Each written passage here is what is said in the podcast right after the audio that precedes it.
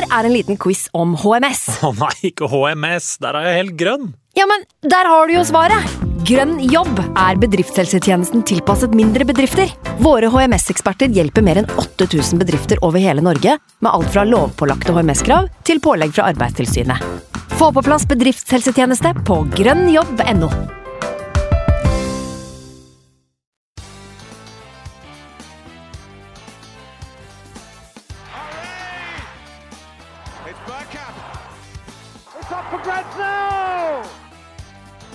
next station is Arsenal. Hei, hei, og velkommen skal du være til en splitter ny episode med Arsenal Station med Magnus Johansen og meg, Simen Goffeng. Nord-London er rødt igjen, eller det har det vel strengt tatt alltid vært, men det var virkelig på tide med en seier over lillebror igjen. Du har jo slitt litt med redusert form den siste tida, Magnus, eh, men når det er dags for eh, NLD, da kan selv ikke kroppslige plager stoppe deg. Nei, du har jo ikke noe valg, for så vidt. Og har på en måte uh, tatt det valget at uh, det må bare briste eller bære. Uh, litt holdt på å briste i dag.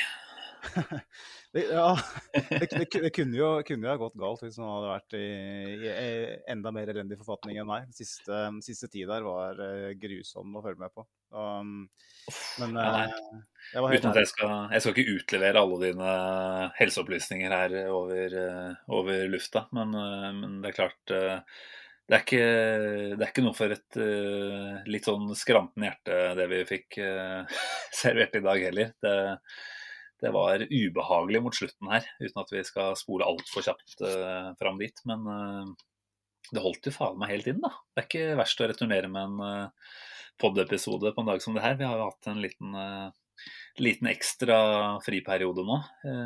Så dette her gjør jo virkelig susen når vi skal prates for første gang på tre uker, er det vel nesten? Er det ikke to uker, da? To uker er det, føles Ja. veldig lenge i hvert fall. Jeg tok en liten uh, ufrivillig vinterferie pga.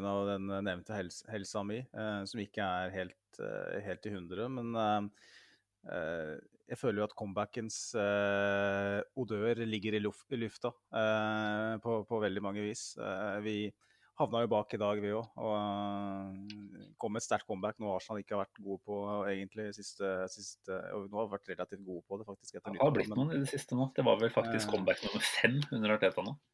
Stemmer. Uh, men før den Southampton-kampen i januar da, så hadde vi vel ikke snudd en eneste kamp hele sesongen. Så det, det, er, det er en tendens som er veldig positiv, uh, og som gjør at man ikke på en måte uh, skrur av TV-en når man kommer under.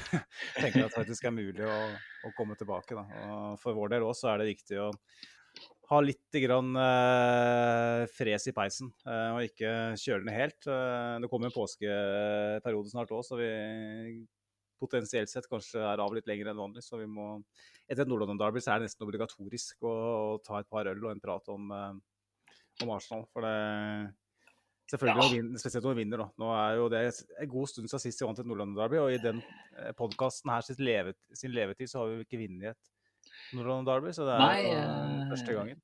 Jeg bare sitter og tenker tilbake til uh, tapet vårt på uh, White Hart Lane, eller hva de kaller stadion borte nå. Eh, det var ganske vondt å skulle jobbe seg opp til en liten uh, podkast-innspilling den gang. Så det er klart, vi får jo litt gratis når det blir eh, sånn som det gjør i dag. Da, da ruller det og går på automatikk nesten. Og så er det jo bare deilig rett og slett å sitte og fråtse i en trepoenger over eh, naboen. Det, det kan vi klare å prate en god time om, tenker jeg. Eh, vi må jo nesten bare vie mye av dagen, dagens eh, sending til kampen. Eh, kan, det er alltid så mye å snakke om rundt Arsenal, men jeg syns jo en, en seier som i dag fortjener ordentlig oppmerksomhet. Innholdsrik kamp var det også. Så vi må vel nesten bare starte, og det er vel dessverre sånn at vi må starte med det som skjedde før kamp. Jeg regner med at du også var litt overrasket, og kanskje også litt desillusjonert når du så lagoppstillinga en time før kamp i dag. Eh, ingen eh, captain Aubameyang. Eh, hva tenkte du når du så at vi hadde benka? For det var jo ikke sånn at han var ute av troppen, han var jo benka. Og Arteta ga oss jo for så vidt etter hvert et ja, noe diffust, men i hvert fall et antyd av hva som lå bak. Hva tenkte du når Aubameyang ikke, ikke var blant de elleve som starta? Altså Før kampen så var det jo snakk om at uh, det var Tottenham som skulle mangle stjernespissen sin, og ikke Arsenal. Og nå vet vi alle at, at, Harry Kane gjerne putter i et helt apotek og opererer på stylter og alt som er for å komme seg i form til Nordland og Derby. Tror ikke han nødvendigvis passerer en dopingtest hvis han blir testa etter kamp i dag, nei? og så er det Aubameyang som er ute. Så det er klart, da blir det liksom sånn eh, dobbel eh, blow, da. Eh, hvor du på en måte du tror du kanskje har en fordel, og så har du det motsatte. Um, det, det, er jo Det er jo litt spesielt, syns jeg. da, Det minner meg litt om den uh, situasjonen vi hadde i 2016, var det ikke det? Når uh, Wenger uh, straffa Alexis Sanchez eh, pga. noe disiplinære greier. Nå var vel noe snakk om noe flørting med Manchester City eller noe sånt. Mm. Eh, med at han, havnet på benken mot Liverpool ikke fikk starte. Og så er Arsenal eh, hjelpeløse i første gang. Og så ender det med at Wenger setter inn Sanchez i, i pausa. Og det er litt samme greia nå, da. Når, eh, når du først skal eh, straffe en spiller for uh, disiplinære årsaker, så, så, er det kanskje greit å bare utelate fra troppen. Gjør det skikkelig. Ja, det er klart det er, Vi satt jo og lurte litt på da når Arteta sier at det er disiplinærårsak som er årsaken. Um, hvor, hvor, ille er det? Så er det vel i hvert fall en annen journalist i The Athletic som skriver noe om at det dreide seg om at han ikke møtte tidsnok til kamp. Altså de skal jo de møtes jo på spillerhotell eh, tidlig samme dag. Eh, mulig at han har vært for seint ute et eller annet sted. og Det er vel også noe han har en viss historikk på. Eh, det er klart Som kaptein så er det et dårlig eksempel å sette, mm. nesten uansett hva som er eh, forklaringa på det. Eh, Arteta godtok det i hvert fall ikke. Så blir det litt sånn som du sier, skulle han vært satt helt ut? Jeg tenker at Arteta kunne jo definitivt ha funnet gode argumenter for å sette ham på i dag, selv om vi leda mot slutten. Jeg syns jo den kampen her skrek etter Aubameyang ganske tidlig, egentlig. Ehm, så det er litt sånn rart å på en måte utsette seg selv for den mellomløsninga der, da. Ehm, men jeg syns jo når det ble som det ble, så får jo Arteta i hvert fall statuert et eksempel. Og han taper jo ikke noe ansikt heller når, eh, når Arsenal eh, vinner, da. Men eh, jeg må jo si at jeg er skuffa over Aubameyang først og fremst, da. Som mm. Ikke Altså åpenbart følger han ikke de retningslinjene som klubben er enig om at de skal gjelde. Og, og det er klart, som kaptein foran et Nordland-derby, så, så, er det altså I beste fall så er det uproft. Jeg håper ikke det er noe annet som ligger bak. Eh, det var vel ikke så lett å se så mye reaksjoner fra Aubameyang underveis i kampen og sånn. De zooma vel inn på han på tribunen et par ganger da, hvor han sitter og ja, egentlig bare følger med. Eh, men jeg, jeg vil jo tro at han eh, at han uh, feira mål, han også. Vi får, får, håpe at det ikke er noe mer alvorlig enn en uh, forsentkomming som ligger bak. Arteta sa jo at uh, vi har uh, satt en strek over det og gått videre. Men det, det, var unødvendig. Og i verste fall så er det jo absolutt noe som kunne vært med å koste oss poeng i dag. Uh, Lacassette ja. spiller jo for så vidt en god kamp, men har jo et par ganger han definitivt kunne avslutta bedre, og som vi kanskje tenker at, uh, at Aubameyang, som er en eh, mester i boksen, uh, kunne posisjonert seg enda bedre enn det Lacassette gjorde i visse tilfeller. Da. Det er jo, men det er jo klart Hvis vi skal si bitte litt mer om, om, det her, så er det jo litt sånn kastrerende nærmest for Aubameyang da, som klubbkaptein og stjerne. Blir sittende mm. der nærmest til spott og spe på tribuna. sånn at liksom her, her har du han fyren som kjører rundt i gullforgylte Lamborghinier. Eh, han kom ikke eh, tidsnok til jobb, så her sitter han liksom og skammer mm. seg foran mm. eh, millioner av TV-seere. Kontra det å bare si at nei, han er, han er ikke med i dag. Eh, mm. mm. Kunne jo tatt en spansk en og sagt at han er sjuk. Eh, det er jo litt sånn det er en litt sånn risky strategi fra Arteta å liksom nærmest utlevere den på den måten òg. Uh, føler jeg. Det kommer an på hvordan han responderer på det. Aubameyang er jo en litt sånn stolt uh, stolt type. Han har jo et veldig sterkt image, så mm. jeg er jo litt spent på hvordan han reagerer. Han har jo vært hos tatovør òg, eh, i lockdown, noe som fikk litt oppmerksomhet. Som mm. Ariteta òg kommenterte for noen uker siden, at det, er, det, har blitt tatt hånd om internt. Han er, som du nevner, han er klubbkaptein. Han eh, bærer et større ansvar på sine skuldre enn lagkamerater. Og han kan ikke reise til, Dubai og strø salt med han uh, biffkongen. Uh, det burde eh, ikke heller andre kunne gjøre, men sånn er det nå. Vi trenger ikke å ta den. Nei, men det er et godt poeng det du har der, altså. Eh, hva er, og, altså jeg tror vi, de fleste av Arsenal-supporterne er ganske enige om at Aubameyang er ikke noen utprega ledertype og kaptein. Han er når han er eh, på et godt sted, så er han en helt nydelig fyr. Han er ikke mannen som drar oss gjennom eh, motgangsperiodene. Det har vi jo fått eh, bevist tidligere i sesongen, og han har jo sagt det selv òg, at han opplevde det som ekstra tyngende å vite at han hadde kapteinsansvar når det også gikk dårlig for han individuelt sett. Da. Eh, så det blir spennende å se hva vi gjør framover. Altså, vi har jo to sesonger igjen med Aubameyang eh, etter dette her. Eh, det er jo ikke noe automatikk i at han er kaptein, eh, selv om han blir værende her. Eh, men igjen, jeg tror ikke vi skal konspirasjonstenke så veldig mye rundt hva Teta eventuelt ønsker å oppnå med det han gjør i dag. Men det blir ja, interessant å se framover hva som både blir responsen fra Aubameyang nå på banen, først og fremst, og om det er noe vi får høre noe mer om. Vi har jo ikke råd til å, å, fryse han ut på noe vis, nei, nei, nei. eller eh, provosere han til å Hva skal jeg si? Han har jo vist jo han var i Dortmund, han, han er jo villig til å gå ganske langt hvis han eh, føler seg eh, uh, hva skal jeg si, urettferdig behandla, eller han har ønska en overgang til, til en annen klubb da, i det, i det mm. tilfellet. hvor han da trener med Dembélé-drakt mens, og blir, la seg fotografere mens Dortmund spiller kamp. Så han er, han er jo ikke han er ikke den typen som går stille i døra nødvendigvis. Nei. Så vi får, vi får se. Uh, ja, nei, det, det, føles jo på en måte litt feil at vi skal bruke for mye tid på, på dette her i innledninga. Det er jo andre ting vi gjerne vil flytte fokus over til, men uh, Jeg tenker en halvtime til med det går jo fint. Men, uh... nei, da, da, tror jeg folk skriver det, og det hadde jeg forstått i så fall. Nei, jeg syns at uh, Aubameyang får han, han, innser jo at han har gjort en feil her, og så får vi jo på en måte bare eh, håper på at ikke han syns eh, behandlingen, hvis man kan kalle det, fra Arteta var uforholdsmessig. Eh, og at han ikke er altfor såra etter dette her. Men eh, nei, vi, vi, lar, vi sier som Arteta, vi setter en strek over dem, og så går vi videre. Mm. Ja. For det er mye bra å prate om her. altså Den første omgangen i dag, der er vi Vi er så solide. Altså det, jeg, jeg opplever at vi er et lagmaskineri i måten vi bare maler på omgangen gjennom, egentlig. Eh, klart en liten periode eh, litt før og etter Tottenham-skåringen eh, hvor vi gir fra oss litt initiativ. Men det var vel merkelig nok Tottenham som fikk det første målet. Vi skulle jo skåret både én og to, kanskje til og med tre ganger før den tid.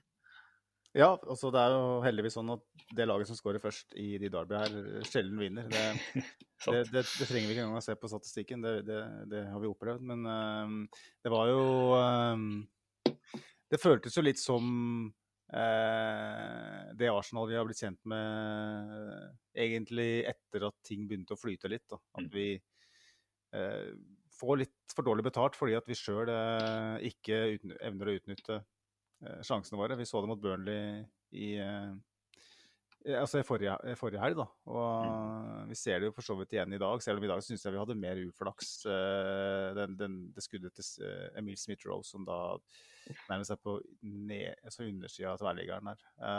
Du har Cedric sitt som går i stolpen. og det er jo, og Da, da Tottenham skårer på en Rabona som går mellom beina Thomas Partey, så jeg da da har du ikke marginer på din side. Eh, og hadde ikke Drammens eh, store sønn eh, dukka opp i boksen der eh, rett før pause, så hadde vi jo sittet i pausa og, mm. og, lurt på hvordan i helvete er det vi ikke, ikke, ikke i det minste er a jour her. Ja, nei eh, skyte oss selv i foten, det er jo blitt en gjennomgangsmelodi. Det er jo for så vidt ikke direkte det vi gjør i første omgang i dag, eller deler av den. Men, eh, men, det er klart, det å ikke ta sjansene framover eh, altså Du nevner skuddet til Smith-Roe. Det er jo ikke en sjanse som du forventer at skal bli mål, for så vidt. Men vi har jo et par andre gode muligheter hvor vi ikke er eh, så veldig dyktige i avslutningsøyeblikket. Mm. Eh, så det er klart, eh, det er jo et, en form for å skyte seg selv i foten, det å ikke være effektiv nok òg begynte jo å frykte at den uh, ekstreme streaken vi har nå uh, Det en sånn liste som vokser og vokser hver kamp, hvor uh, feil som leder til mål, eller rødt kort hvor vi ja, sauser oss bort i noe tull, eller pådrar oss straffespark. Det er liksom et eller annet i hver eneste kamp da, som er eksempler på at vi skyter oss selv i foten. Uh, ja, Jeg frykta at det var noe som var i ferd med å skje igjen her. Uh, men så dukker jo Drammens store sønn, som du sier, da, opp på litt tur, selvfølgelig, med avslutninga som går via Alderferrel der, vel. Men vi sier jo veldig gjerne ja takk til sånne marginer. veldig, veldig, veldig fortjent.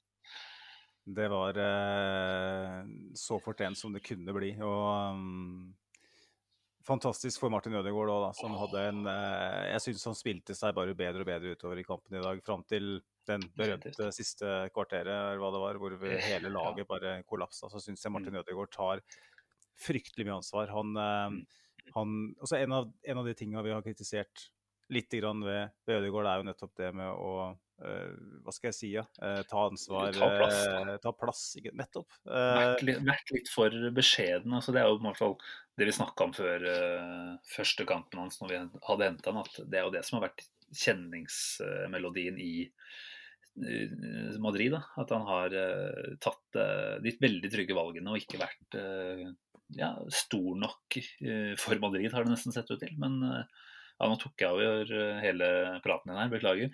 Men eh, jeg syns jo virkelig vi begynner å se en som eh, Han omtalte Haaland som en ledestjerne. Jeg syns jo på mange måter vi ser en, en gutt på nå, 22 år da, som virkelig framstår som en leder på banen.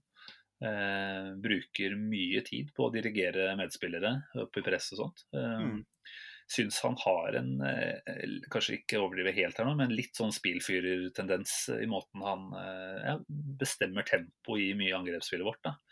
Eh, tidvis går det kanskje bitte litt sakte noen ganger fortsatt. Eh, men, eh, men han, han, er på mange måter litt sjef utpå der i dag, jeg må si det. altså. Og Famaro Sonko skriver det på Twitter til oss. Eh, Norge, Martin Ødegaard er Norges beste spiller, uten tvil. Eh, vi trenger ikke å ta Haaland-Ødegaard-diskusjonen, men det er klart på samme uka da, som han blir utnevnt til ny landslagskaptein, til og med. Det er jo ekstremt gøy. Gratulerer med det. Så, så viser han jo også her i dag at han backer det opp med en uh, veldig voksen prestasjon i dag, vil jeg si.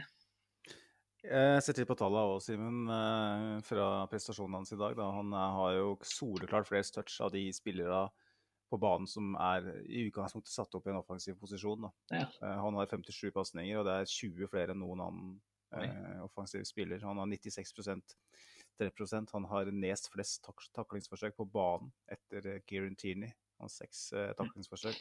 To nøkkelpasninger. Eh, og som du sier, medspillerne ser etter han. han eh, mm. Jeg så det en del tendenser når, eh, når PP kom på banen, så eh, kanskje ikke så overraskende at, eh, at de ikke sender ballen til han når han ikke har motorvei å løpe i. For han, han, gir gjerne bort ballen litt oftere. Men uh, det vi ser etter Ødegaard. Han har, er i ferd med å ta et lederansvar, som, mm. som du sier. Og, og, Arteta virker å elske fyren. Han uh, virker å være en av de som han eh, Eh, setter opp i elveren eh, aller først. Og mm, basert på det her, da, uten at vi skal ta en diskusjon nå, så virker det som det er en spiller som Arteta mm. virkelig ønsker å jobbe med. Mm. Så får vi se. Får vi håpe at, at Ødegaard ikke spiller altfor bra. ja, han blir jo en dyr mann etter hvert, hvis de prestasjonene han har lagt bak seg de siste tre-fire kampene nå fortsetter. Jeg vet ikke hvor realistisk det der ville vært i det hele tatt. Det får vi, som du sier, heller bruke litt mer tid på senere. Men men eh, Arteta har jo virkelig også funnet ut hvordan eh, Martin Ødegaard eh, kan brukes veldig effektivt. Og det tipper jeg nok at Ødegaard anerkjenner. Han har jobba med en må jo kunne si en solid trener i Zinedine Zidane. Uh, vært under Nå husker jeg ikke helt navnet på han Zidane-treneren. Men han, Nei, han, må nok oppleve at Arteta virkelig forstår seg selv, da. Altså, eller forstår Ødegaard. og det må jo være en stor verdi i seg selv å, å, ta med når man skal ta en vurdering på hvor, hvor framtida ligger. Eh, så ja, vi kan bruke mer tid på framtidsutsiktene til Ødegaard eh, seinere. Men eh, det er jo veldig, veldig gøy å se hvor fort han har kommet inn og blitt den viktige spilleren.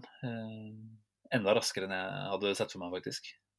Ja, det er jo litt viktig å ta med det òg, for vi har vært litt nest kanskje litt urettferdig òg, fordi at det er en låneavtale. at uh, Han må ta mer ansvar, han må ta større plass. Og, Mm. ikke, ikke jeg og du nødvendigvis, men sånn generelt at han må, han må inn og bidra med en gang. Og det er jo ikke så enkelt heller. Uh, han har jo ikke spilt i Premier League eh, tidligere. og jeg syns det er påfallende hvor uh, komfortabel han er på Mm. små flater når han mottar ball. For han er jo gjerne den spilleren, medspilleren som blir valgt eh, som pasningsalternativ. Fordi at eh, det er ikke alltid at som du sier, at det blir eh, det mest dristige valget. Eh, kanskje blir det litt, litt mange touch av og til, men når han mottar ball både feilvendt og under press, så, så klarer han å, å, å holde på kula og unngår å, å gjøre feil. Eh, og det er, det er en ting vi har tatt for gitt da, ja. i, i, i det rommet. Altså det tok vi så sinnssykt for gitt, for at vi hadde jo en hel generalforsamling med sånne typer spillere i så mange Mm. år. Arsen Wenger han ville jo heller ha 25 tiere enn å kjøpe, en, enn å kjøpe en, en stopper av og til, og det var, eller en keeper, ikke minst. Og gjennom det så tok vi det nok litt for gitt. Eh, og vi så jo effekten av det i, i fjor høst. eh, Hvor viktig det er å ha sånne spillere i, i det hølet. Og Martin Ødegaard eh, i dag spesielt, syns jeg, beste kampen han har spilt for Arsenal, så bidrar han enormt i akkurat det. Det å være tilgjengelig, det å klare å håndtere kula og sørge for at vi, at vi fortsetter å dominere en kamp da, mot et lag som tross alt er eh, potensielt eh, på høyde med oss, eh, kanskje bedre. Så eh, veldig gledelig. Ja, han er jo en eh, Skal kanskje ikke overdrive helt her, men genial fotballspiller. Han, han tenker jo fotball. Det, han er sånn, du ser for deg at Ødegaard er gutten som drømmer fotball når han sover. Altså Ser for seg eh, ulike situasjoner på en bane og, og virker å rett og slett forstå spillet veldig, veldig godt. da. Eh, han må være en drøm å, å ha som medspiller, fordi han er ekstremt god til å gjøre seg selv tilgjengelig. Eh, jeg har kanskje vært ørlite kritisk med han tidligere her i poden på at syns kanskje han har hatt litt mindre bevegelse.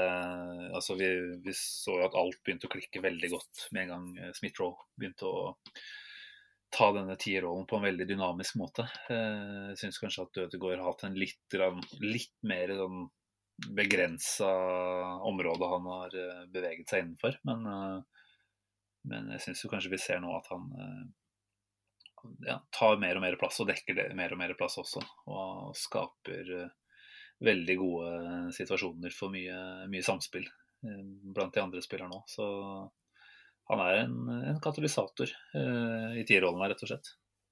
Hva syns du om, eh, når vi først nevner eh, Emil Smith-Roe? Ja. Eh, jeg har han som min man of the match. Ja, helt Eh, enig. eh, Hva, hva syns du? Jeg, ja, jeg kan jo ta med Sivert Eriksen, som uh, skriver til oss på Twitter. Enkelt og greit, Smith-Roe er fantastisk god i fotball.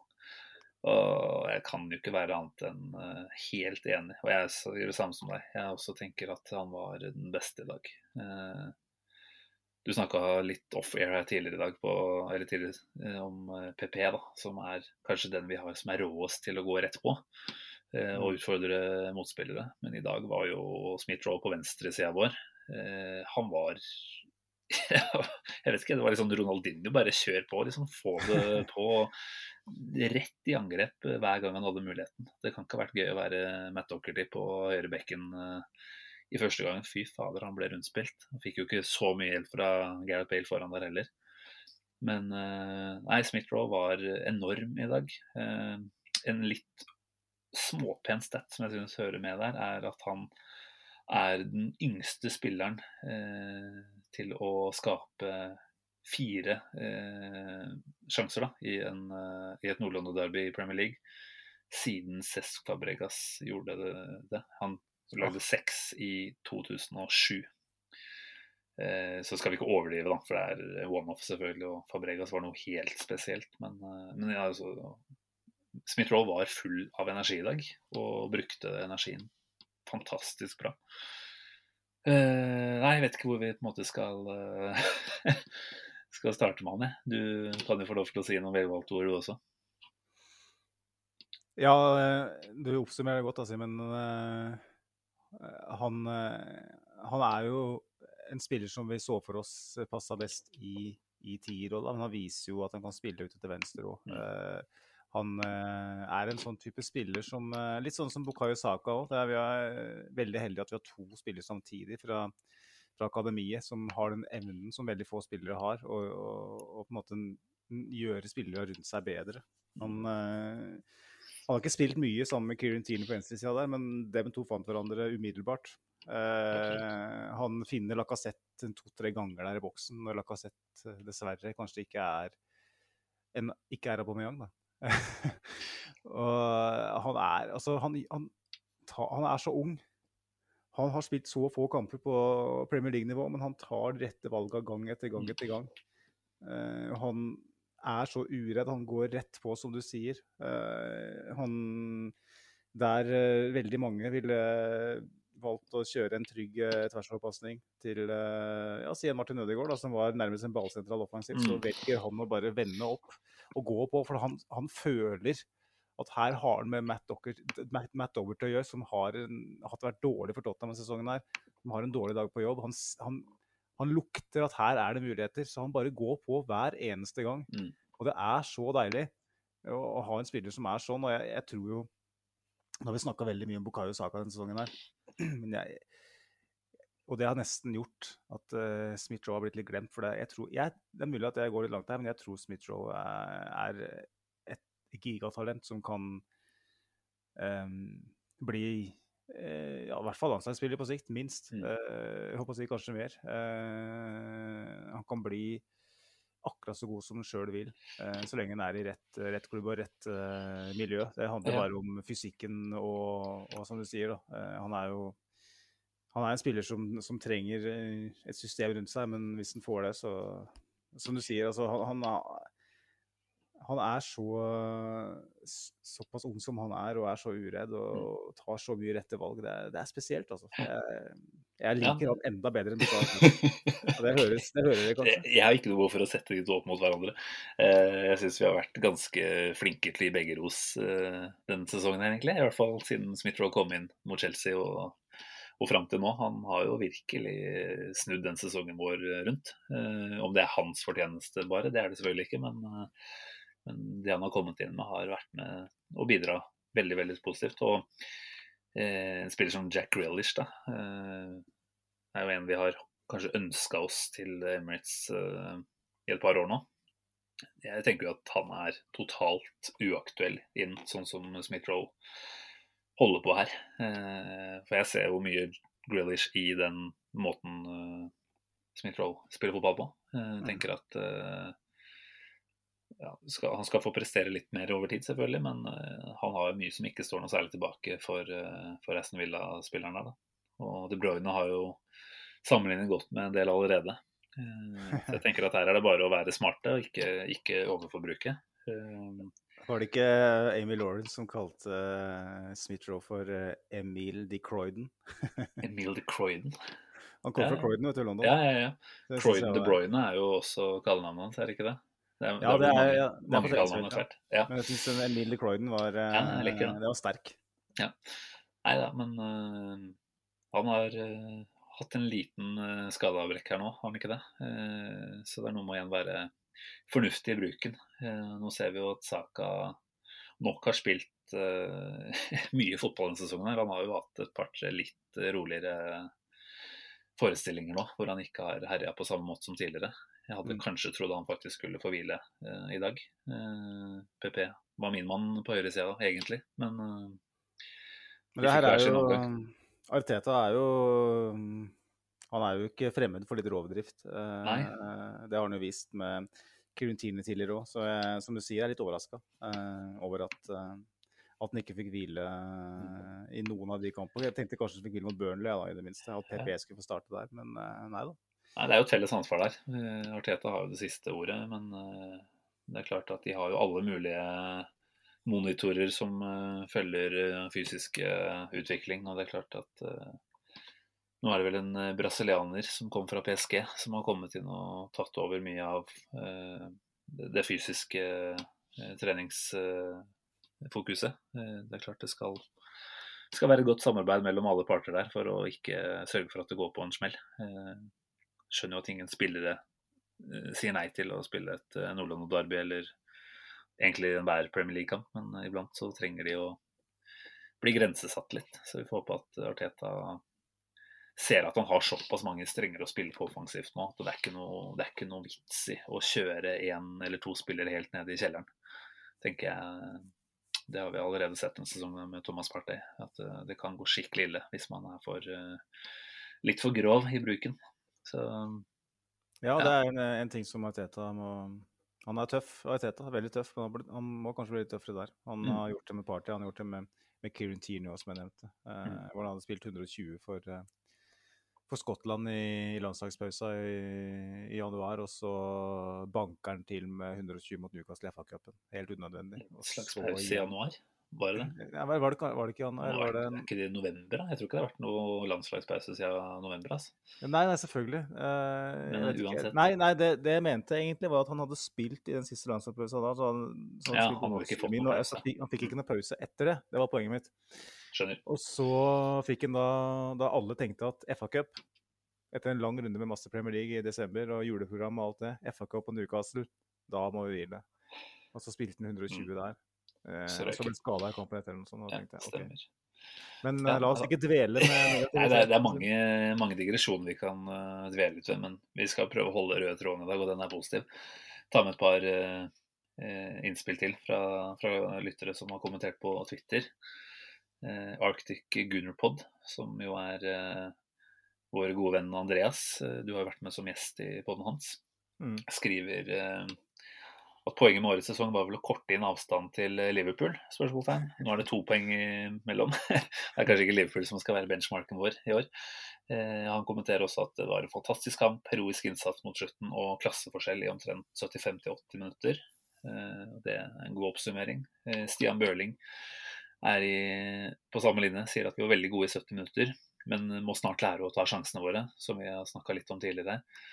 Eh, og så tenker jeg han kommer inn på et poeng som vi kanskje skal eh, bruke litt mer tid på, dette med hva som skjer eh, når vi blir én mann mer. Eh, nå kan vi for så vidt bruke et halvt minutt på å snakke om Lacassette og, og scoring før den tid, men vi må bruke litt tid på å prate om hva er det egentlig som skjer mot, mot slutten i dag. Hvor vi har alle forutsetninger for å kontrollere kampen ut, men gi fra oss initiativet, da. Eh, Men kjapt først. eh, Lacassette eh, fikk eh, tillit i dag. Brenner litt eh, i, i starten, men får et straffespark og gåleskjell, eh, som blir matchavgjørende. Har du noen ord om franskmannen? Han er jo god i, i oppstillsfasen, uh, syns jeg. Det er, jo, det er jo en del som har eh, begynt å backtracke litt på, på, på akkurat det, i forbindelse med at Aubameyang har spilt en god del eh, kamper i, i den posisjonen. Da. Men jeg syns ikke vi skal ta noe ifra Lacassette sånn sett heller. Jeg syns han gjør mye bra i oppstillsfasen i dag òg, men uh, han, det var vel Solveig Gulbrandsen, var det ikke det? TV 2 som hadde analyse på det før sa. Hørte ikke. Eh, og for så vidt en del rett i det at han, han er litt passiv uh, i boksen. Mm. Uh, noe vi har sett egentlig over lengre tid. Uh, han er ekstremt god hvis han får ballen i beina i boksen. Han kan, kan jo vende, opp, vende av tre spillere og banke ned krysset. Eh, Men det er ikke noe killerinstinkt for å komme seg i posisjon, nødvendigvis. Nettopp, og det så vi igjen i dag. Den, den sjansen til, til Cedric Suárez òg.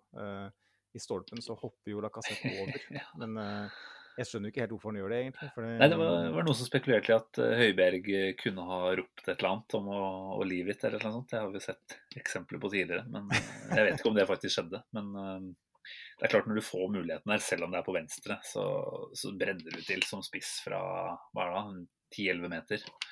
Selv om det er litt skrått og sånt, så du aner jo ikke Han ante åpenbart ikke hva som kom bak han, for det var ikke, det var ikke gitt at Cedric skulle få fyrt av der. Nei. Og jeg syns jo eh, det var enkelte som, som, som nok mente at Lacassette passa godt til en rolle i en sånn kamp som det her òg, og det kan jeg for så vidt være enig i til dels. Men måten kampen utvikla seg, spesielt mot slutten av andre gang, syns jeg så, eh, skrek jo etter Aubameyang. Mm. Hver eneste gang uh, Smith-Roe kom seg løs på eh, han, han, Det var jo ikke snakk om å komme seg løs ned i cornerflagget, han kom jo helt inn i boksen med ballen. Han er såpass klok at, eh, at hvis Aubameyang er i, i boksen da, så, så, så, så, vil jeg tro at, eh, at de to til sammen klarer å koke sammen et eller annet som blir en avslutning, eh, en farlig avslutning. Og Lacassette er Nei, han er ikke På Premier League-nivå så er han ikke en, en stor målskårer, dessverre. Og jeg syns han viser det igjen i dag. Men han, han, Mm. han jobber jo bra. og akkurat fra straffemerket så stoler jeg mer på han enn Aubameyang. Uh, Rakassett ved straffemerket, det er nesten 100 Det, det er et fantastisk straffespark. Den er Ja, så limt inn til stolpen at uh, du tenker at det er nesten for limt inn til stolpen.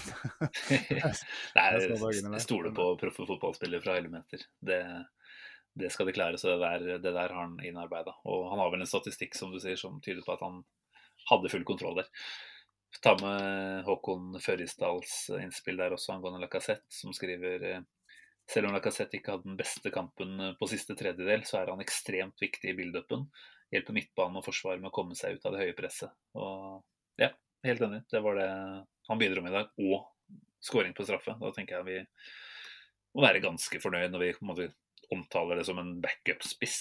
Eh, Da, da er det en solid prestasjon det han disker opp med her. Han er en god, veldig god backup-spiss, og det må jo sies. eh, Mm. Hvis det er det han er. Han har jo, er vel tosifra nå i Premier League, og Ja. mm, får han en tre-fire til, så da har han jo en veldig respektabelt antall mål. Eh, har hatt perioder hvor de har lugga litt, men totalt sett så syns jeg Lacassette har hatt en ganske god sesong, egentlig. Eh, med tanke på at han ikke blir tilbudt ny kontrakt når hva skal jeg si, at forutsetningene ligger til stede. Fordi at han har bare ett år igjen til sommeren, så har klubben valgt å si at nei. Eh, Mm. Nå vet ikke vi hva som foregår på innsida, men det virker jo ganske tydelig at han ikke kommer til å få et tilbud om ny kontrakt med mindre han aksepterer en ett års forlengelse eller noe i den duren. Og da eh, Det er jo det òg en skal jeg si, ja, en liten slap in the face, på en måte. Si at nei, ja, vi bruker deg nå, men du er ikke framtida. Og Mm. at han, er jo alltid på jobb, eh, Lacassette. Han kan være litt sånn eh, litt sånn humør eh, Han har litt sånn humørsvingninger av og til, men han er som regel på jobb i 90 minutter, han også. Så Ja, jeg jeg, jeg liker Lacassette godt. Ja, enig. Han er jo ikke en type som melder seg helt ut, selv om han ikke har dagen. Han, eh, det er liksom huet ned og, og prøve så godt han kan egentlig uansett. Da. Så om vi skal snakke om innstilling og sånt, så er jo han absolutt en, en fin spiller for de andre å se opp til. Og så var det helt åpenbart at han begynte å bli sliten mot slutten i dag. Og det var vel da vi alle tenkte at her er vel muligheter for å få på Aubameyang. Eh, Istedenfor så ble det Mohammed Elneni som ble det siste byttet vårt der. Eh, rett før slutt. Jeg må jo si at eh, ja. Vi kan egentlig ta den praten da om det Stian Bøhlinger var inne på. Eh, hvorfor er vi så feige med en mann mer? Altså, det, det som er greia i dag, er at det ser ut som vi spiller 11 mot 10 de første 75, egentlig.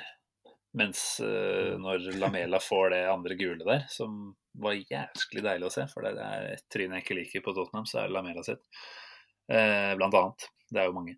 Men, eh, men det ser ut som vi går fra å spille 11 mot 10 til å spille 11 mot 12 eh, siste kvarteret. Eh, totalt initiativløst det vi holder på med mot slutten.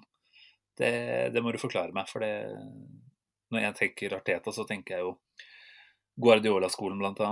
Og er det noen som er god til å spille i overtall, så er det jo et City-lag eller et Barcelona-lag på sitt beste, åpenbart. da. Eh, hva er det vi driver med der, egentlig? Det er jo rett og slett så close som det er mulig å komme på å gi fra oss eh, to poeng her. De skal få forsøke, Arsenal. Eh, med å prøve å gi bort, eh, gi bort to poeng. Det var et veldig hederlig forsøk. eh, og noe som kanskje viser at uh, vi har en ganske lang vei å gå før vi er en klubb som kan uh, gå på lange rekker med kamper med seire. Da, for at vi gjør, for, vi, Mm. vi, er, vi gjør for mye rart i løpet av 90 minutter da, uh, til å vinne veldig mange fotballkamper i, i Premier Mm. League. Vi så det senest, mot Burnley for en uke siden, selv om vi absolutt ble vinne den kampen basert på sjanser og stolpetreff og redninger på strek og alt som var, så er det igjen å, å rote det til for seg sjøl. Og det var det vi var i ferd med å gjøre i dag òg. Eh, til og med Kieran Tierney, Mr. Tesco, som eh, er påliteligheten sjøl på mange vis, virker å tråkke på ball og spille ballen på hytte og gevær. og Det, det virker som på en måte konsentrasjonsevne bare fordufter da, Mm. med en gang Lamela forlater banen. Akkurat som det sniker seg inn i hodet på spillere at hei, nå har vi noe å tape her. Eh, nå, er, nå er vi favoritter i den kampen her til å vinne, og da er det nærmest så det stokker seg i huet på dem. da. For det, det er ingen grunn til at et lag som har dominert en kamp i, i, i, i 75-80 minutter, da, som, eh, som vel Andreas eh, nevner i, i sin tweet, det er ingen grunn til at, at vi da eh, skal bli dårligere når vi, er når vi plutselig er en mann mer. Eh, så det, det her er psykologi. Mm. Det er nødt til å være, og det er, jeg er redd det er noe som henger igjen etter veldig mange år med, med et Arsenal som nærmest er blitt uh, kjent for å, å, å lage trøbbel for seg sjøl. Mm. Jeg, jeg syns vi så tendenser til at vi jeg var i ferd med å luke litt ut av spillet vårt. Uh, paradoksalt i den perioden hvor vi kanskje ikke gjorde noe som helst bare på banen annet enn å frustrere livet av supportere eh, i fjor høst. Men eh, det var liksom ikke feilmarginen som var stor. Eh, det var ikke det som var problemet. Da var jo nærmest en slags eh, et forsøk på å rette opp i nettopp det som gjorde at vi ble litt eh, for forsiktige til tider. Mm. Eh, og nå som vi nå har tatt mer kontroll, da, og snakker vi sånn XG sjanseskaping og sånn, så de aller fleste kamper nå så er vi, er vi best. Vi spiller nesten alltid bedre enn motstanderen nå, og det er et kjempebra tegn. Men det har også ført til at, uh, at det sniker seg nærmest en usikkerhet når vi har noe å tape. Uh, og som Orbinio, eh, som jo er stats-guruen på Twitter for Arsenal, um, skriver da, um, at Arsenal har uh, siden starten av februar, altså åtte kamper, så har vi eh, gitt bort uh, ti skåringer pga. Uh, Ah, Fy faen. nei, ikke ti skåringer, det er ti, eh, Ti kamper. ti eh, feil som har ført til skudd på mål Ja. mot, eh, kontra eh, 34 kamper mellom september og januar, hvor vi da i det samme perioden har 13 Det er, eh, feil som har ført til skudd. Eh, så det er en dramatisk oppgang i feil, og det har vi òg altså nærmest altså smertelig fått erfare. da. For nå har det jo vært en rekke med kamper hvor vi nesten har gitt bort et mål i hver eneste kamp. Mot, mot Olympiakos på torsdag. Da, da var det jo nærmest VM i å gi bort eh, målsjanser. Eh, Da klarte vi det til slutt. Da var det liksom sånn Forsøk én, nei. Forsøk to, nei. Tredje gang, ja da. Da, da sørga vi for at Olympiakos fikk seg en goal.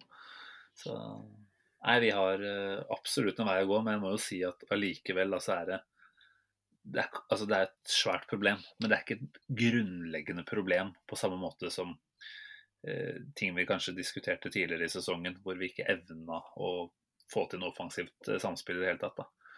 Så det bør være mulig å luke det ut. Eh, og jeg syns jo at eh, måten eh, måte Arteta kanskje kommuniserer gjennom eh, enten å ikke gjøre bytter eller gjøre et litt defensivt bytte, og så er han med på å prege eh, de spillerne ute på banen litt. da. I hvert fall Mm. tenker jeg at det er naturlig å se en sammenheng der. at eh, Hvis du har en trener som eh, virkelig eh, signaliserer fra benken at ok, nå går vi for det, nå setter han inn på Aubameyang siste, siste 15 eller noe sånt i hvert fall, da, så, så kanskje det ville spredd en litt annen selvtillit i gruppa eh, enn å la Lacassette, og ikke noe vondt om han, men det var åpenbart at han begynte å bli tom. da. La han holde på der eh, fram til 88. minutt og bytte med Elneni. Da tenker jeg at det, det er jo å fortelle spillerne at nå må vi være litt redde og litt forsiktige. Og så bare overdrives det ellevilt mye, da. Men eh, nei, jeg tenker eh, det er absolutt ting som skal forbedres framover. Og Arteta kan jo for så vidt si at han gjorde det rett i dag, da. Men, eh, men jeg vil jo si at det vi holder med på slutten der, det er totalt unødvendig. Én ting er jo en måte å gi fra seg initiativ, men en annen ting er jo noen av de frisparkene vi lager eh, rundt eh, egen sone, som eh, ja, egentlig bare inviterer Tottenham til, eh, til scoring. Det er nettopp det det gjør. og det, Jeg har sittet og sett litt på noen stats før, før kampen, eh, litt forbindelse med, med Harry Kane sin, eh, sin uh, irriterende evne til å score mot Arsenal. Det er jo, han er jo ikke den eneste toppspissen som har en god statistikk mot Arsenal. Du ser det samme med, med Vardy og, og Drogba, Robbie Fowler. Altså, det er jo for langt tilbake, da, kanskje, da, men altså, du skjønner hva jeg mener. Altså, Mm.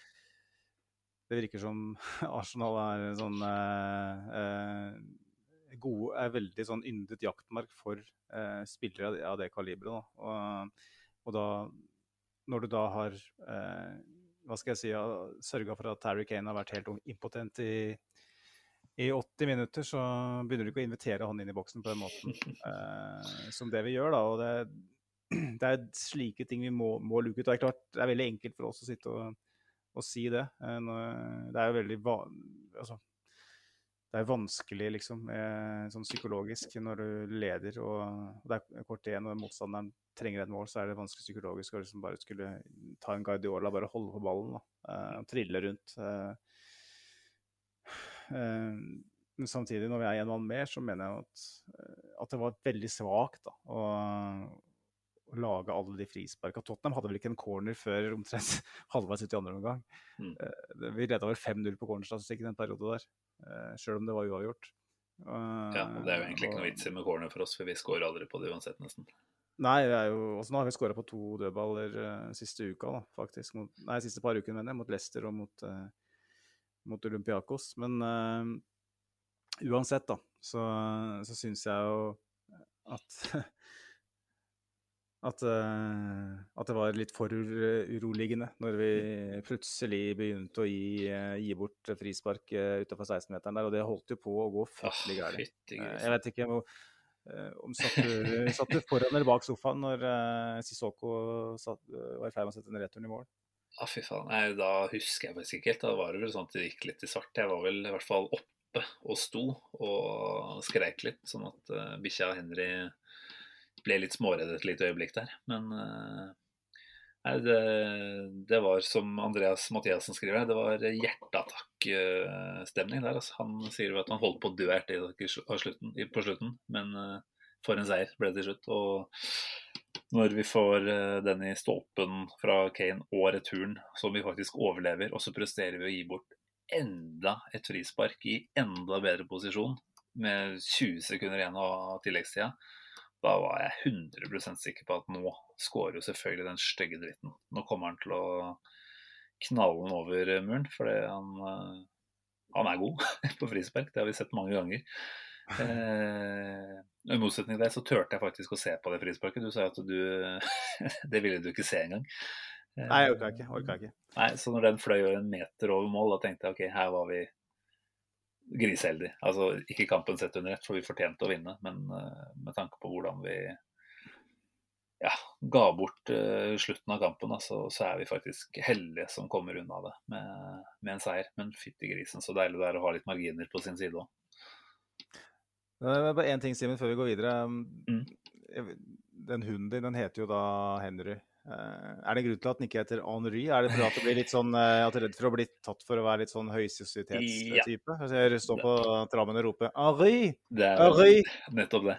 Det er uh, tett mellom husa i nabolaget, så jeg kjenner jo at skulle jeg ropt på sånn ekkel cocky fransk ut her, så Vi er jo relativt nyflytta på området òg, ikke sant, har bodd her et års tid. Så det er noe med å ikke brenne alle broer til naboer altfor tidlig. Men, uh, men, Henry uh, klinger veldig bra, og, og naboene elsker han jo. Så jeg tenker at vi, vi, er godt fornøyd med valget både av navn og av aksent og måte å uttale på. Ja, det er viktig det, Simen, uten at vi skal spore helt av her, at, at hunden bærer et navn som kan oppfattes som normalt i et nabolag. Jeg vet det var Jeg vet det var, jeg hørte en historie om eh, lokalt her fra en som hadde en hund som het Trond. Elsker sånt. Elsker eh, skikkelig eh, menneskenavn på en bikkje. Han sto på, han sto på trammen da, på, midt på natta. Trond! Trond! Kom inn, skal du få kjøttbein. Kom da, Trond! Det blir litt feil, da. ja, det, det kan høres feil ut. Nei, men det er hyggelig med bikkje, da. Det, det må sies. Jeg har fortsatt ikke kjøpt uh, Arsenal-drakten. Han var ikke vokst det helt ferdig, så tenker at når han er ferdig i løpet av noen måneders tid, da, da blir det Henry-drakt uh, på gutten. Henry-drakt, ja. ja, ja. Henry-drakt. Ja, jeg skriver jo med Y, da, selvfølgelig. Det gjør jeg. Ja, men det, det, det er innafor. Um. Nei, men uh, fin liten digresjon igjen der. Mange, mange hyggelige ekstra poenger å ta igjen når man, eh, man, har en seier å prate om. Da blir alt så lett og ledig. Burde egentlig ha spart her til et tap, ikke sant? Sånn at vi ja, så vidt. Nei, men da har ikke jeg lyst til å prate mer enn nødvendig. Uh, nei, vi har jo jobba oss gjennom eh, det som skjedde på banen, har vi ikke det? Uh, det var vel sånn kort oppsummert dette her på en liten time fra, fra kampen. Men uh, jeg vet ikke, vi burde kanskje se litt på det, det, større bildet også. Vi snakker jo litt om Arteta tidligere her, om avgjørelser han tar. og Det er fortsatt noen vurderinger som eh, det går an å diskutere litt rundt, da, selv om det blir en seier i dag. Jeg vet at du har jo gjort deg opp en del eh, tanker rundt eh, ja, hvilke spillertyper han eh, gjerne ser til, og hvilke han da ikke velger å gi så mye tid. PP har jo nok en gang i dag måtte starte på benk. Du har vel tanker om både han og en viss annen ung brasilianer som ikke får noe særlig spilletid om dagen? Det stemmer, det. Altså det er selvfølgelig Martinelli, som ikke er i troppen i dag i det hele tatt. Og som vel er det seks kamper som han ikke, har spilt i det hele tatt. Uh, det kan du gjerne arrestere meg på, men det er noe i den gata der. Uh, og forbeholdet er jo det at Martinelli har vært uh, langtidsskada. og kanskje mm. er det en, en form for fornuftig måte å introdusere den til førstelagsspillet igjen. Men det det paradokset er jo at han starta kamper omtrent med en gang han kom tilbake. Mm. Han kommer inn mot Everton, og så starta han eh, kampen mot, Chelsea, mot City, mener jeg, i ligacupen. Ja, og mot Chelsea. Gjorde den ikke det? Ja, nei, ja, ja, det gjorde han sikkert, det husker jeg ikke. Hva mener du altså. Men uansett, han ble jo ansett som en eh, redningsmann. for Han, han uh, fikk jo litt gnist igjen i et mannskap som virka helt dødt. Mm. Uh, og så plutselig så var det rett, rett ut. Og det er jo litt i tråd med det vi så når Teta kom inn nå. Martinelli var jo en av få lysglimt uh, under uh, Emerys svanesang, når ting virkelig begynte å luge. Så var jo Martinelli kanskje en mm. av veldig få spillere som viste glimt av klasse. da. Som løp til krampa tok en og gikk rett på. Mens når Teta kom inn, så var jo Martinelli en spiller han ganske kjapt ikke ga William tillit til. Mm. Og da er det lett å tenke at ja, men han er ung og Kanskje han tar den Phil Foden, som veldig mange bruker som eksempel. At det ikke gradvis introduseres til første lag. Da. Men nå syns jeg det begynner å Og det kan godt hende at det er ting vi ikke vet her, men nå syns jeg det begynner å bli litt bekymringsverdig. Da. Mm. Nå, ja, det var det, det var det jeg ville spørre deg om. Er du bekymra, rett og slett? Uh... Jeg vet ikke. Uh, Bitte litt, kanskje. Uh, grunnen til at det er det, er fordi at du ser det samme med PP. Det er de to spillerne vi har i stallen som jeg antar kanskje har høyest feilmargin i, i spillet sitt. Mm. Fordi at de, de, er mye mer direkte, da. Eh, mens Arteta virker å velge veldig sånn økonomiske spillere i de posisjonene der. Mm. Eh, Selvføre ballspillere, rett og slett. Eh, nettopp. Som mm. tar, tar, trygge valg. Som sørger for at vi har en større kontroll med det vi driver med. da. Jeg venter på den rette muligheten i stedet for å kanskje eh, gå for det dristige da, og miste valg. Mm. Eh, som av og til eh, har vært veldig savna, syns jeg, i, i laget. Mm. Og PP er jo en spiller som etter nyttår syns jeg har vært en av våre beste spillere. Jeg syns nesten hver gang han spiller nå, syns jeg han er god. Jeg vet ikke hva du mener, men jeg syns han er god hver eneste gang. Jeg syns vi har snakka om dette her ganske mange ganger i det siste, egentlig. At uh, eh, PP har en ålreit, uh, eller god til og med, prestasjon. Vi venter at han kommer til å få mer spilletid neste kamp, men så er det ofte kort vei til benken igjen, da. Med noen korte innhopp ofte som, som eneste utbytte. Og øynene til Arteta ser jo Enten så ser de feil, eller så eh, er det jo dette vi har snakka litt om, at han må virkelig gjøre alt han kan for å få i gang en William. Da. Eh, fordi det er såpass mye penger og, og sikkert også en del prestisje i det.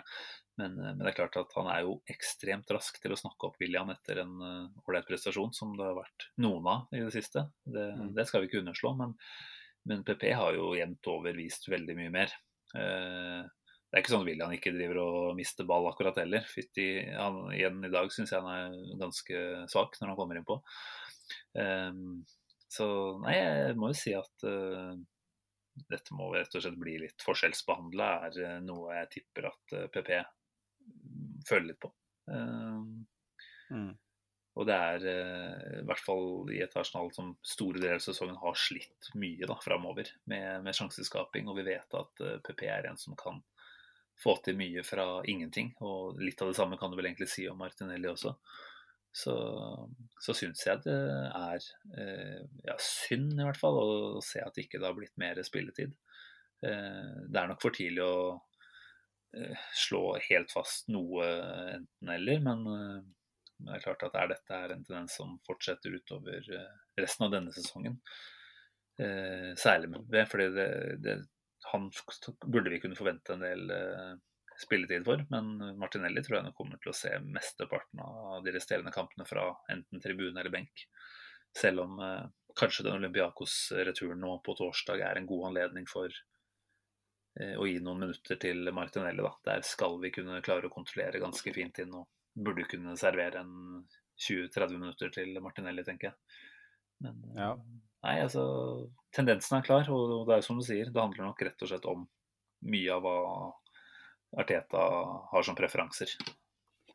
Men er det, ja, det er det som du sier. da, altså Nå har vi jo hatt Arteta som um, manager, eller iallfall hovedtrener, da, eh, siden desember 2019. Nå begynner det å bli en, mm. en, en stund. Og um, kanskje er i ferd med å bli kjent med, med Arteta på et vis. Eh, er, det, er, det, slike spillertyper han ønsker? Eh, altså, er det ikke PP og en Martinelli en type spillere som han ønsker å ha en startoppstilling. Eh, ønsker han å i større grad ha en kontroll. For han er jo altså Det er jo både en styrke og en svakhet, antar jeg, at han er litt sånn kontrollfrik. Han mm. står jo og coacher laget i 90 minutter. Jeg har nesten ikke sett maken hvor mye han coacher laget fra, fra benken.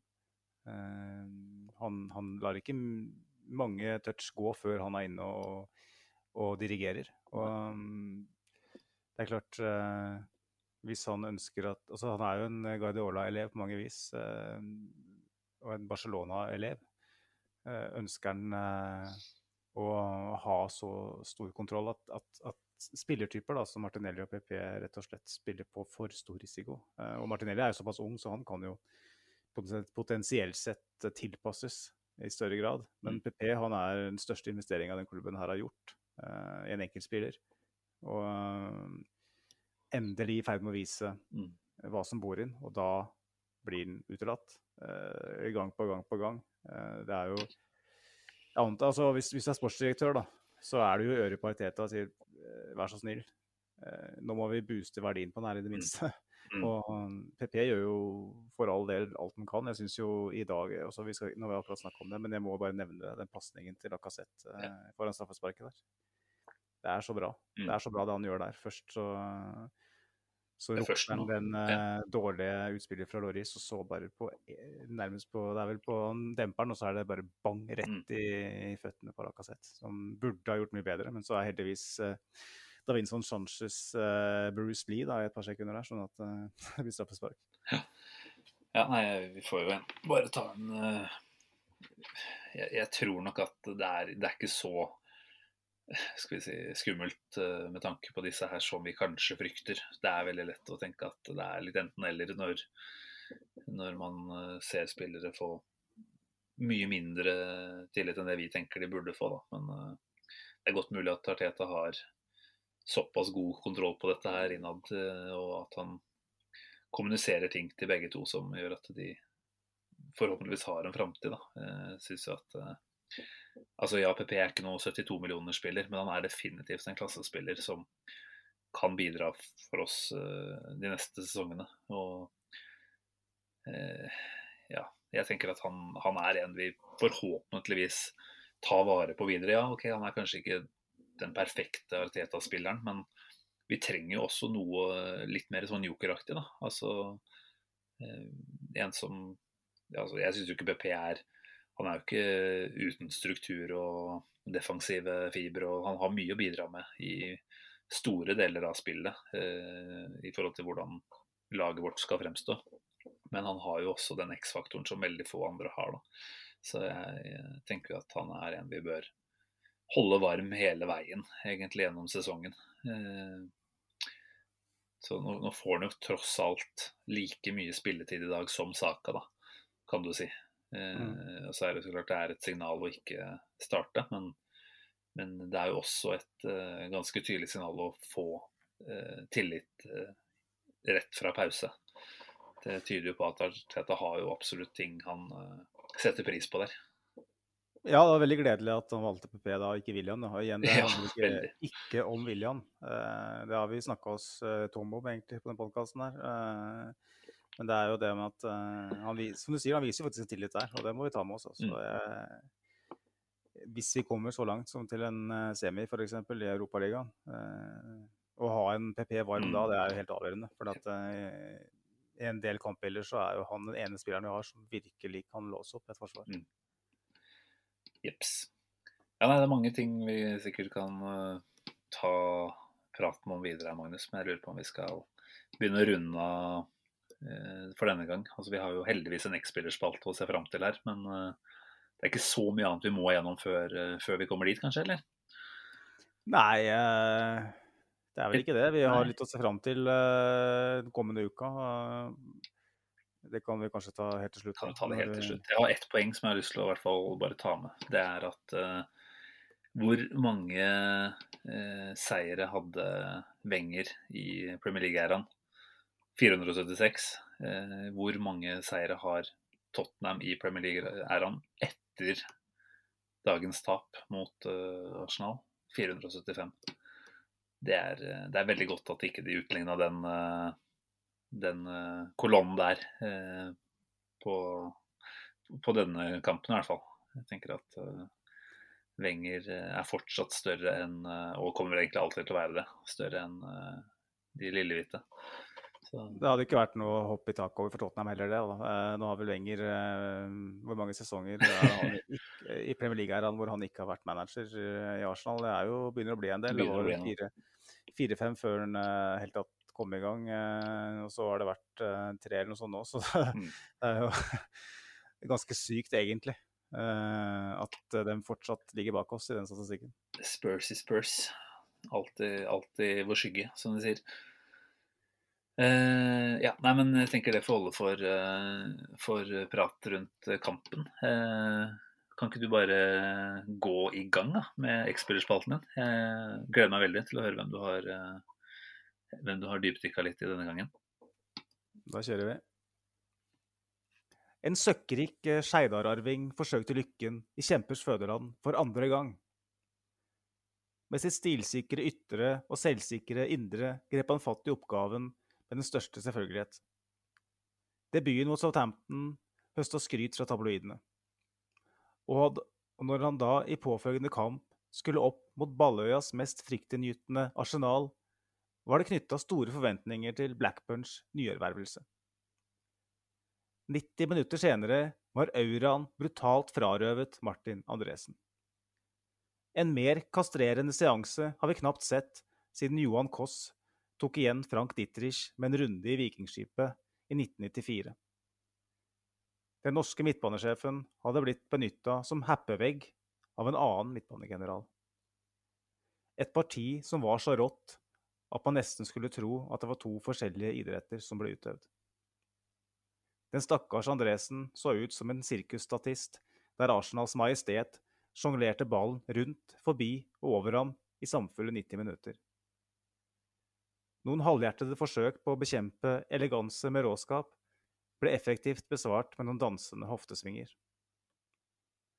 Og sånn var det nesten alltid med Arsenals dominante styrmann. Som en løves dans med en bøffelflokk. Ingen kunne matche ham, verken fysisk eller teknisk. Det var derfor VM i måping da han høsten 1996 ankom Balløya som et noe ubeskrevet blad. Allerede i debuten satte han en standard så høy at Arsenal nærmest ble transformert over natta. Som innbytter mot et høytflyvende Sheffield Wednesday endra han kampbildet totalt og bidro til at Arsenal, som til da hadde en skuffende sesong, stakk av gårde med en svært sterk trepoenger. Ray Parler, som ble bytta ut til fordel for debutanten, tenkte følgende. OK, da får ikke jeg starte flere kamper denne sesongen. Hovedpersonen selv erkjente senere at han ikke engang var spesielt fokusert. Det var lett for ham. Og lett så det ut til å være gjennom de ni årene han tilbrakte i Nord-London. Som Arsen Wengers første signering ankom han klubben før sjefen sjøl. Gentlemanen Wenger ville nemlig fullføre sesongen i japanske Grampus 8 før han tok over Arsenal. Sånn fikk vi en liten smakebit av professoren og den franske revolusjonen før den kom skikkelig i gang. Smakebiten skulle etter hvert bli katalysatoren for en stolt klubbs retur til toppen. Dersom Berkamp var hjernen i laget, var dagens X-spiller hjertet. Han sto for alt det vi ønska å forbinde med Arsenal. Klasse, eleganse, sjenerøsitet, råskap og engasjement. Han var tilsynelatende villig til å dø for saken, samtidig som han opptrådte med sedvanlig klasse. La gå at han i kampens hete ikke var redd for å løfte Teddy Sheringham opp etter kragen, eller la seg terge av Roy Keane og Ruud van Nistelrooys åpenbare provokasjonsforsøk. Fra sofaen reagerte vi på samme vis, og det er vel derfor han har så høy stjerne i Arsenal. Han var som fansens forlengede arm.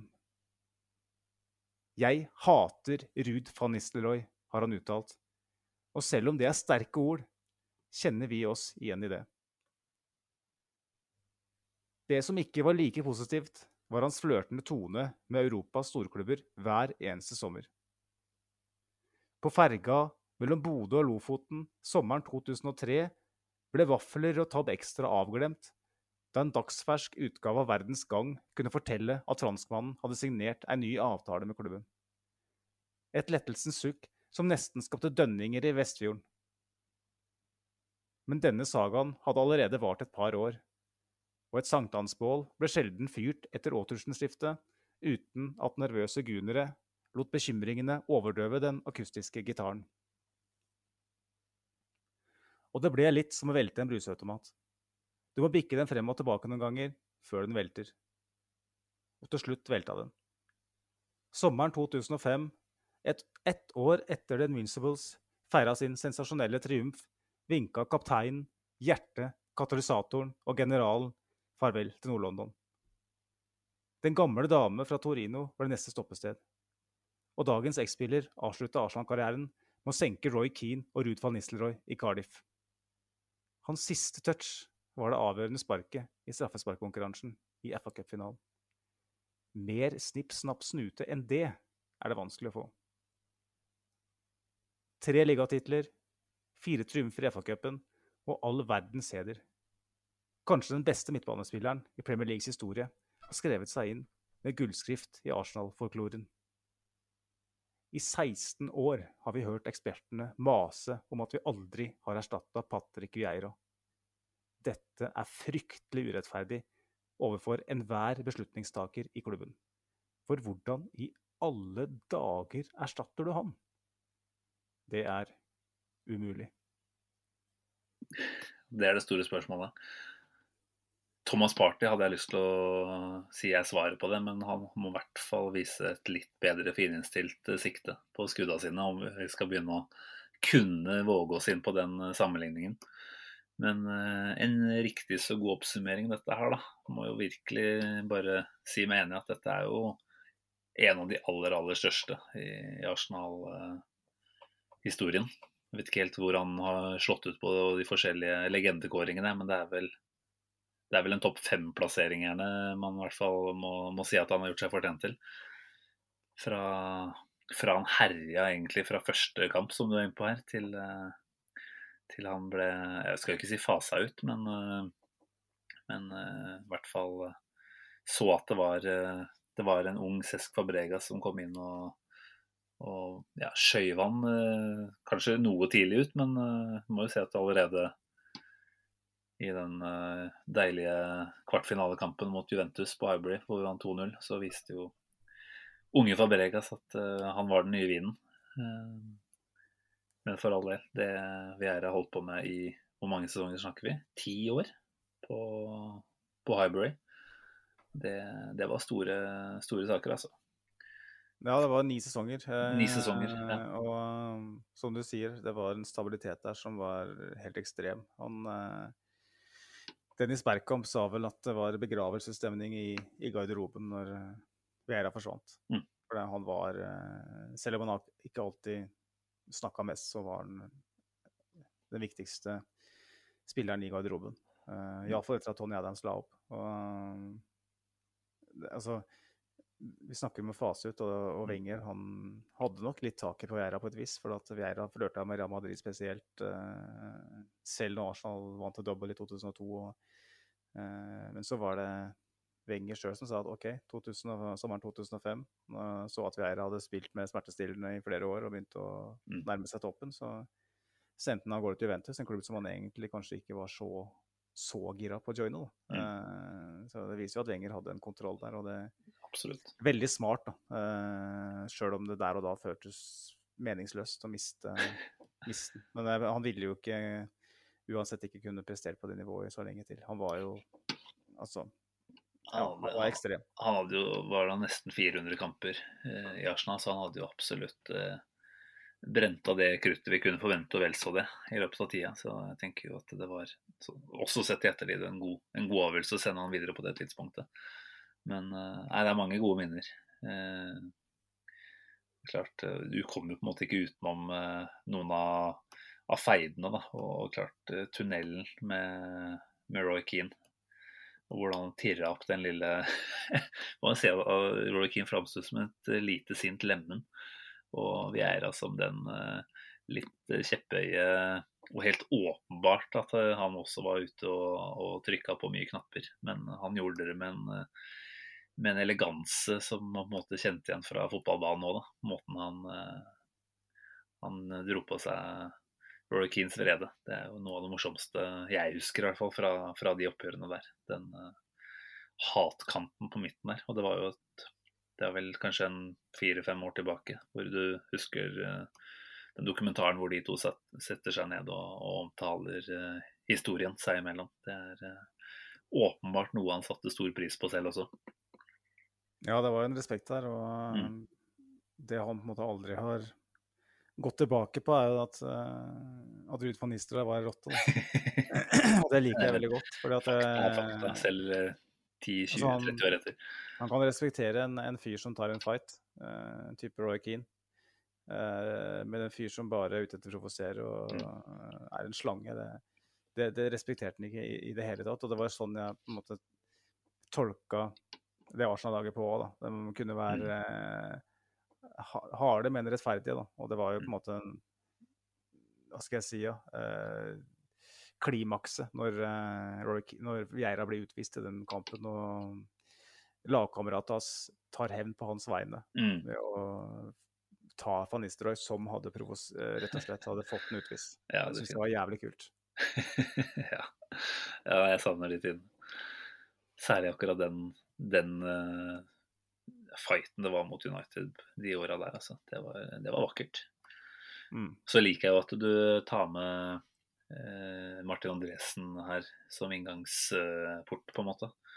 Eh, at han fikk kjørt seg relativt godt eh, i starten der. Det, det syns jeg er litt ekstra artig. Jeg som hadde mitt første utegående intervju da jeg jobbet i Nettavisen for mange mange år tilbake, eh, med Martin Andresen etter en Vålerenga-kamp.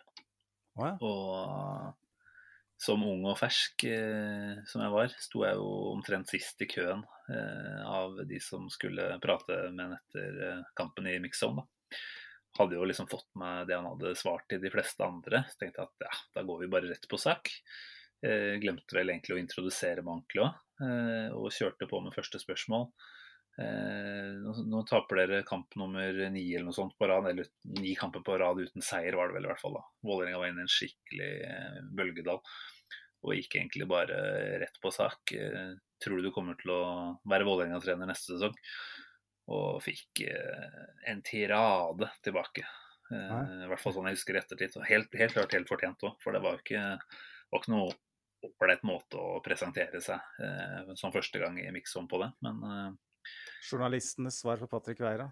det skal jo sies at Martin Andresen ikke var Vålerengas trener påfølgende sesong, så jeg hadde jo for så vidt uh, mine ord i behold der, jeg. Men, uh, men jeg husker at det var, uh, det var et brutalt møte med sportsjournalistikkens verden.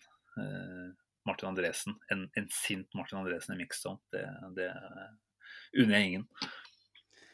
Nei, det, jeg intervjua han sjøl, altså, men eh, akkurat så hardt til verks gikk han nok ikke. Så det er respekt. Skal sies at han framstår jo kanskje ikke på fotballbanen, men på alle andre måter som en veldig sympatisk og ålreit fyr, egentlig. Så det, det var vel in the moment eh, etter en litt uh, svak forestilling at han viste seg fra den siden der. Men nok om det. Eh, kul, kul tilbakeblikk. Veldig bra levert. Syns jo at uh, dette blir en veldig fin dag nå når vi både tar uh, seieren i et uh, Nordland-derby og vi får et uh, gjensyn med Patrick Væra. Da kan man liksom ikke be om så veldig mye mer. Nei, det passer bra, det. Han er jo en av de som oppsummerer uh, Nord-London-derby under Arsen Wenger òg. han var jo i de oppgjørene òg den store krigeren, så det, det, føles, det føles, riktig på, på alle vis å runde av uka på den måten her eventuelt starte neste uke. Det er vel det er i hvert fall lytterne føler. Det, det er vel mandag morgen når de fleste hører på dette her. Så nei, vi, vi gir oss på topp, Magnus. Jeg tenker at nå er det Olympiakos på torsdag. Da tenker jo, uten at vi skal jinxe, at det er en oppskriftsmessig eh, løsning på det. Og det er eh, spille de aller fleste av de beste, men kanskje gi et par-tre andre som ikke får så mye tid om dagen, eh, litt flere minutter. Kontrollere inn til en 2-0, tenker jeg det blir. Og så er det nytt eh, London-oppgjør til, eh, til, søndag, faktisk, med Westham. Og vi er vel tilbake med en ny pod etter, etter, den kampen òg, tenker jeg. Satser på det. det så lenge formen din holder, vel å merke. Ja, det er et forbehold. Jeg har hatt litt trøbbel de siste par ukene, men det gjør seg godt med en podkast. Um, så jeg håper jo på en måte at vi kan sitte her igjen neste, på slutten av uh, neste uke uh, etter et nytt London-derby uh, mot et enda bedre London-lag. en uh, sekspoengskamp, må jeg si det er, for nå har jo Westham faktisk tapt mot United i, kveld, så så på et sjølmål av Dawson. Så, så da er det jo sånn at hvis Arsenal vinner den kampen mot Westham, så er vel luka Fire poeng hvis vi vinner. Og da er det fortsatt eh, ni kamper å, å gjøre det på, eller noe sånt, så da er det jo ikke det håpløst. Nei. Eh, så det er jo Masse I den grad det er noe liv igjen i den, den, kampen i kveld, var jo en være eller ikke være, på sett og vis, når det gjelder å holde et visst liv i, i Premier League-sesongen. Og nå, mm. nå, rykker vi ikke ned heller, for nå har vi over 40 poeng. Så det, nå kan vi ja, det, ja. Deilig. slappe av. London is red, José is dead. Nå skal vi endelig få feira St. Otterhamans Day igjen, tenker jeg. Det er uh, for så vidt noen poeng opp fortsatt, men, uh, men, jeg har veldig tro på det, kjenner jeg nå. Det er ikke noe bedre måte å avslutte på, Simen, så da Nei. Kan du bare ta med helt, helt på tampen at uh, vi som vanlig setter veldig pris på om alle som lytter, og som eventuelt ikke har vært inne og avgitt en liten like eller follow på sosiale medier, har lyst til å gjøre det. Det er veldig ålreit. Og vokse litt på den måten også.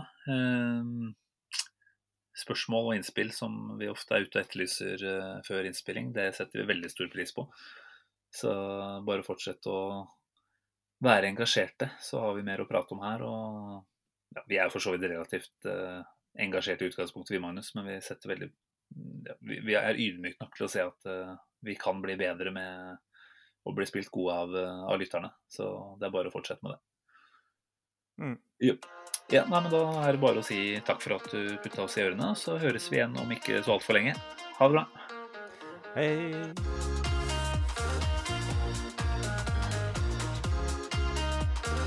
This train terminates here.